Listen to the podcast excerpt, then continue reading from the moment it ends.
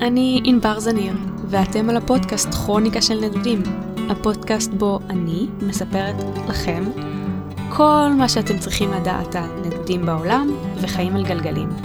סיפורים, הרפתקאות, רעיונות וטיפים, כדי שגם אתם תדעו כמה כיף זה לחיות על הדרך. אז בואו נתחיל.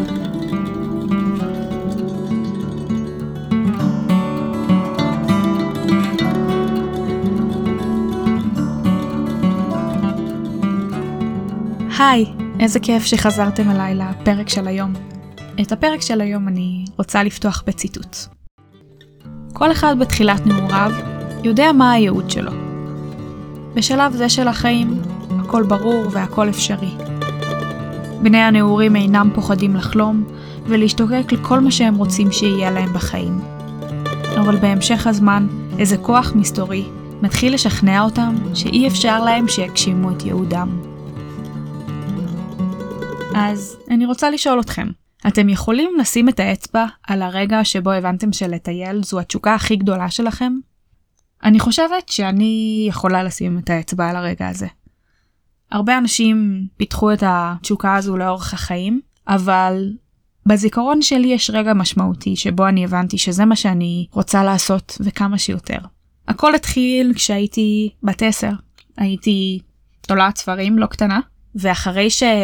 סיימתי את כל ספרי הילדים בספרייה העירונית. אימא שלי, שהיא גם דמות שעיצבה את אני ההרפתקנית שאוהבת לטייל בעולם, ואנחנו עוד נדבר עליה בהמשך, היא כנראה באיזשהו אקט של ייאוש הביאה לי את הספר, הספר האלכימאי של פאולו קואלו, שאולי חלקכם זיהו את הציטוט מתחילת הפרק מתוכו. עכשיו אני מניחה שהרבה מכם מכירים את הספר, וכמו שאתם בטח יודעים, זה לא ממש ספר שמתאים לילד בן 10. זה לא ספר ילדים. זה ספר ככה די כבד. אבל למי שלא, אני אתן כזה תקציר קטן. הספר מדבר על נער בשם סנטיאגו, שהוא רועה צאן, בן לדורות על גבי דורות של רועה צאן, זה מה שעשו ההורים שלו, וההורים של ההורים שלו, ובמשך דורות כל המשפחה שלו. וסנטיאגו גר באנדלוסיה, בדרום ספרד, באזור שגם דורות על גבי דורות מהמשפחה שלו גרים. ויום אחד, בעודו רואה את הצאן שלו בערים ובגבעות של אנדלוסיה, הוא מקבל איזשהו סימן שאומר לו, יש יותר מזה בעולם, הייעוד שלך הוא לעשות יותר מלהישאר כל החיים עם הצאן שלך באנדלוסיה, ועליך לצאת ולחפש את האוצר. והספר בעצם מלווה את סנטיאגו במסע שלו לחיפוש של האוצר, אז בעצם הוא עושה מעשה שאף אחד שהוא מכיר לא עשה לפני. הוא מוכר את הצאן שלו, ובעזרת הכסף שהוא הרוויח מלמכור את הצאן שלו, הוא יוצא למסע. אז הוא מגיע לטריפה, בדרום ספרד, לוקח משם מעבורת למרוקו. במרוקו קורים כל מיני דברים שמובילים אותו למסע של חציית הסהרה לכיוון הפירמידות. ו... ואני לא אספר יותר מזה כדי לא לתת ספוילרים. ואני בתור ילדה בת עשר קוראת את הספר הזה. וכמו שרבים מכם בטח יודעים, הספר הזה הוא מעטפת של ספר מסע, של סיפור מסע של נער, אבל הוא בעצם כולו מלא בפילוסופיה שמדברת על אדם, על הייעוד שלו בחיים, על מי הוא ומה הוא רוצה או צריך לעשות. וזה בעצם ספר מאוד מאוד פילוסופי. אבל אני כילדה בת עשר בעיקר חוויתי אותו כספר הרפתקאות. ופשוט הוקסמתי מכל מילה ומילה מהמסע שהוא עובר והמקומות המיוחדים שהוא מגלה והתרבויות שהוא עובר בהם. ואני חושבת שכבר אז כזה ב-back of my mind בתת מודע שלי התגבשה לי ההבנה שלצאת ולטייל בעולם ולחקור תרבויות זה משהו שבוער בי. וככה נזרע זרע למסע שיגיע הרבה שנים אחרי זה. עכשיו אחרי הפעם הראשונה שקראתי אותו אי שם בגיל 10, יצא לי לקרוא אותו עוד כמה פעמים בחיים, וכמובן שכל פעם קילפתי עוד שכבות במה שהוא נותן לי, הרבה יותר לכיוון הפילוסופי, והרבה פעמים בגילאים יותר מבוגרים הוא ממש עזר לי בצמתים בחיים או בלהיזכר במי אני ואיך אני שואפת שהחיים שלי ייראו. אז באמת הספר הזה היה נוכח בעוד כל מיני נקודות בחיים שלי וכל פעם נתן לי איזה נופח אחר של משהו שאני הייתי צריכה באותו רגע.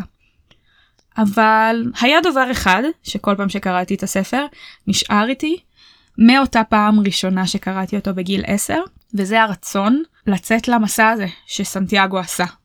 המסע הזה מעין המסע הראשון שגיבשתי בראש שלי כחלום שמשהו שאני רוצה לעשות יום אחד והוא תמיד נשאר איתי עד שבשנת 2018 כשסיימתי את התואר שלי החלטתי שאני יוצאת למסע הזה ויוצאת למסע בעקבות סנטיאגו בעקבות הספר האלכימאי ובעקבות הנקודות הגיאוגרפיות שהוא עובר בהם. אז uh, נחתתי באנדלוסיה שבדרום ספרד והתחלתי במסע. הספר סנטיאגו עובר בין ההרים והגבעות של אנדלוסיה, מתגלגל בין כל מיני מקומות קסומים עד שהוא מגיע לטריפה. ובטריפה הוא עולה על מעבורת לכיוון מרוקו. והגעתי לנקודה הראשונה במסע של סנטיאגו, בדרום ספרד. זו העיירה הכי דרומית באירופה היבשתית בעצם, והיא ממש הקצה של הצ'ופצ'יק של אירופה, שיושב ככה על מיצרי גיברלטר, מרחק ממש נגיעה מאפריקה, ממרוקו. אפשר כבר מהירידות של טריפה לראות את מרוקו נשקפת באופק בכלל לא רחוק. ובטריפה בעצם שהיתי פחות מ-24 שעות. כשב-24 שעות האלה ממש היה לי משהו, תחושה אנרגטית כזו שבחיים שלי לא הרגשתי איזשהו מקום שהוא מאוד מיוחד, מעין צומת רוחות כזו של כל מה שמגיע מאפריקה וממרוקו ומאירופה ואלפי שנים של היסטוריה ושל גיאוגרפיה, כאילו מעין צומת דרכים של המון תרבויות והמון היסטוריה והמון משמעות ואפשר לראות את זה בכל דבר בעיירה הקטנה הזו בארכיטקטורה ובאוכל וברוחות שרגע אחד מגיעות אה, רוחות הלבנט מכיוון מזרח ורגע אחד מגיעה איזה מערבולת מהסהרה שמביאה איתה המון אה, אובך וחול. אה, וככה זה גם הנקודה שגיאוגרפית מפרידה בין הים התיכון לאוקיינוס האטלנטי והנקודת מפגש הזו בין שתי היבשות מייצר גם איזשהו צומת להרבה מגוון חי מאוד מאוד מיוחד להמון אה, אנרגיות שפשוט כל המקום הזה שואב אליו. אז טריפה זה מין אה, מקום שנחקק בי בראש ואנחנו עוד בסוף הסיפור נחזור למקום הזה. ובעצם פחות מ-24 שעות אחרי שהגעתי לטריפה עליתי על מעבורת למרוקו, אה, פחות משעה של נסיעה ומגיעים לאפריקה. אה, מטריפה לטנג'יר, פחות משעה, ויורדים לתוך הסמטאות הצפופות של טנג'יר, לתוך השוק הסואן והקסבה של טנג'יר עם כל הריחות והצבעים המרוקאים, המשכרים והיפהפיים. ובאמת משם התחלתי את המסע שלי במרוקו. שהיה אמור להיות שבוע ונמשך חודש, שזה בעצם בלי הרבה כוונה סוג של אה, דומה למה שקרה לסנטיאגו בסיפור. בסיפור מה שקורה לסנטיאגו זה שהוא מגיע לטנג'יר במטרה ככה להסתדר ותוך כמה ימים לעלות על שיירה שנוסעת לכיוון הפירמידות. אבל בעצם ברגע שהוא יורד מהמעבורת הוא נשדד. כל הכסף שהוא הרוויח מלמכור את הצאן שלו נגנב והוא נאלץ להישאר במרוקו הרבה יותר זמן ממה שהוא ציפה כדי בעצם לעבוד ולהרוויח כסף מחדש. אז גם אני בנסיבות אחרות מצאתי את עצמי נשארת במרוקו יותר ממה שתכננתי. במקרה שלי הנסיבות היו טובות באמת כי התאהבתי במדינה הזו. ואז הגיע הרגע לשלב הבא. השלב הבא במסע זה הרגע שבו סנטיאגו עולה על שיירה של גמלים אה, ביחד עם המון דמויות צבעוניות והם מתחילים את דרכם לכיוון הסהרה, וככה בעקבותיו גם אני יצאתי למסע לכיוון הסהרה. ואז יש נקודה שבה במציאות של סנטיאגו הוא ממשיך ובמציאות של ממנו לצערנו אי אפשר שזה נקודת הגבול בין מרוקו לאלג'יר שזה גבול אויב לכן אי אפשר לחצות אותו ולכן זה היה הרגע שבו המסע שלי של סנטיאגו טיפה נפרד.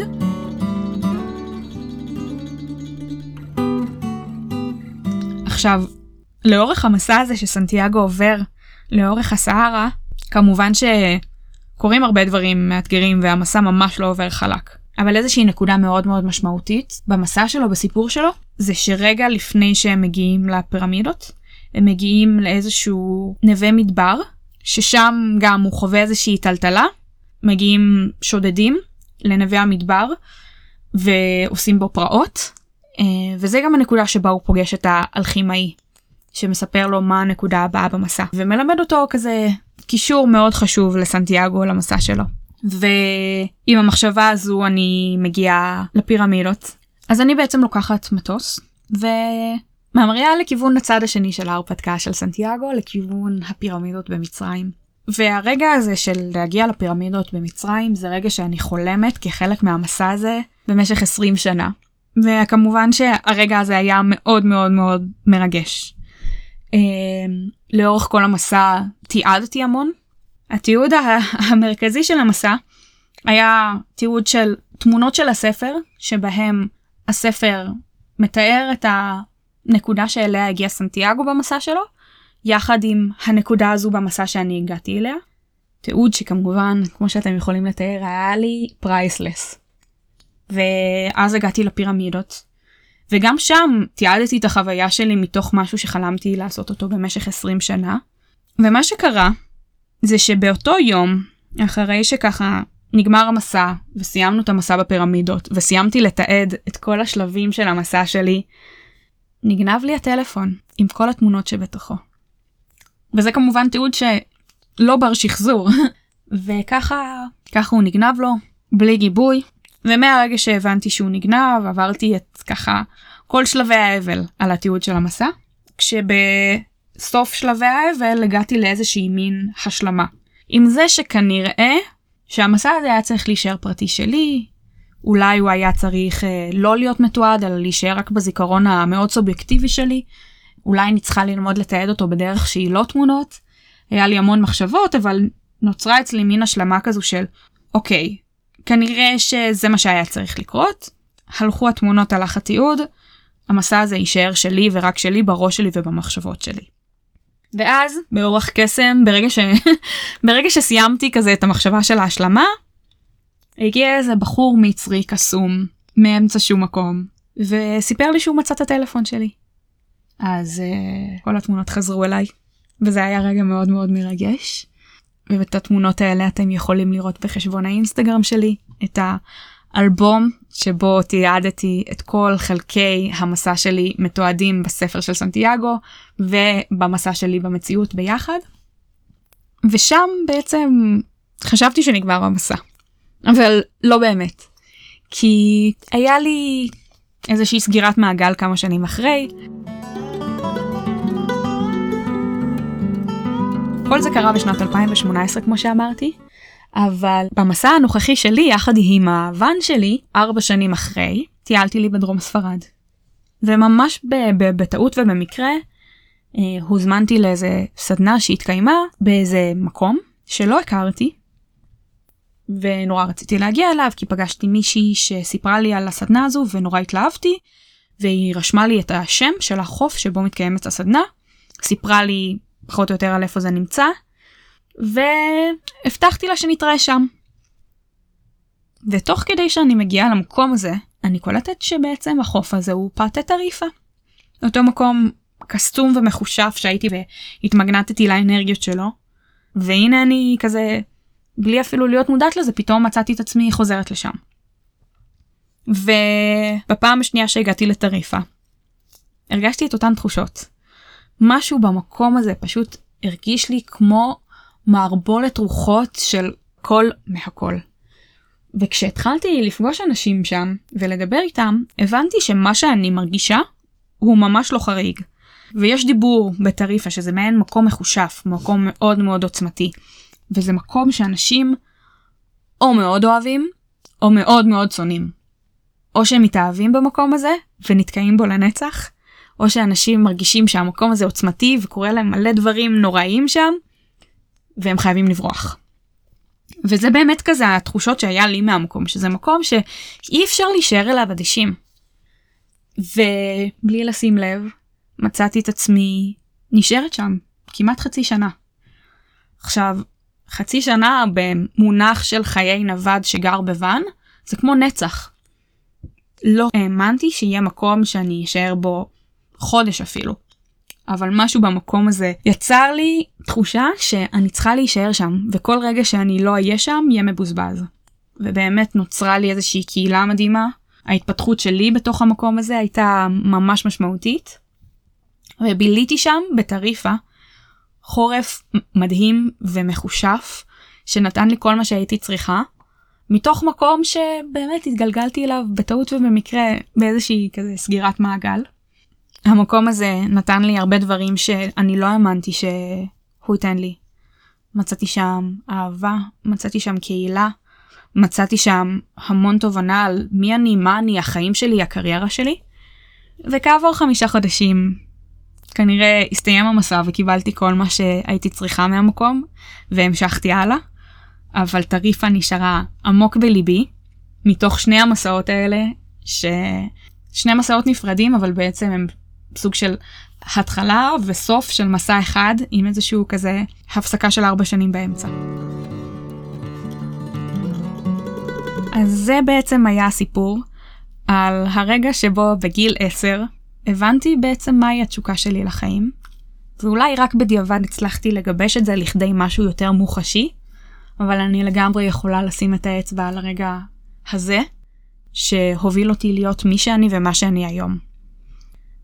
אז אני מקווה שהסיפור שלי עניין אתכם וריתק אתכם, והתחלנו את הפרק בציטוט, ואני רוצה גם לסיים אותו בציטוט.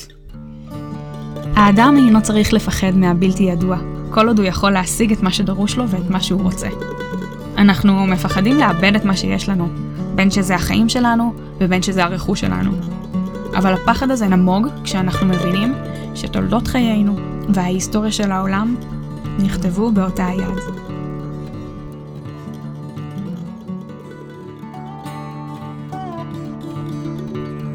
אז הגענו לסיומו של עוד פרק של כרוניקה של נדודים. אני מקווה שנהנתם כמוני. אם מתחשק לכם לראות תמונות וסרטונים ולהשלים את החוויה עם הצד הוויזואלי של המסע שלי, אתם מוזמנים לחשבון האינסטגרם שלי, פשוט חפשו כרוניקה של נדודים באינסטגרם. ואם ממש ממש נהנתם, ואתם רוצים לתמוך בי ולעזור לי להביא לכם עוד תוכן מעניין, אתם מוזמנים לפנות לקהלי חטיף, או לקנות לי קפה, מה שאתם מעדיפים, דרך הקישור שנמצא בתיאור הפרק. תודה שהצטרפתם אליי, ונתראה בדרך.